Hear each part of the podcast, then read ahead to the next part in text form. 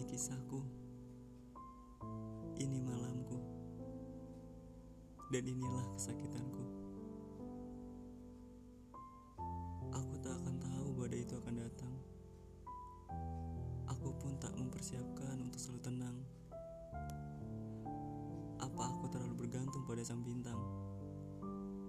Ataukah ini ujian dari semua kebahagiaan?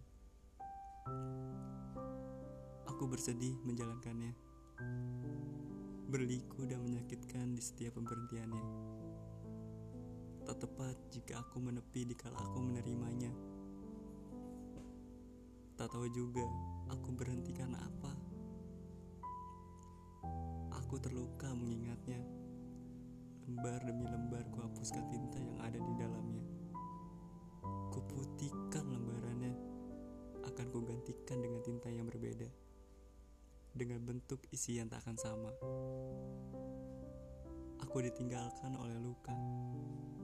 Entah ada lagi barisan yang menuntutku untuk tetap tegar menghadapinya.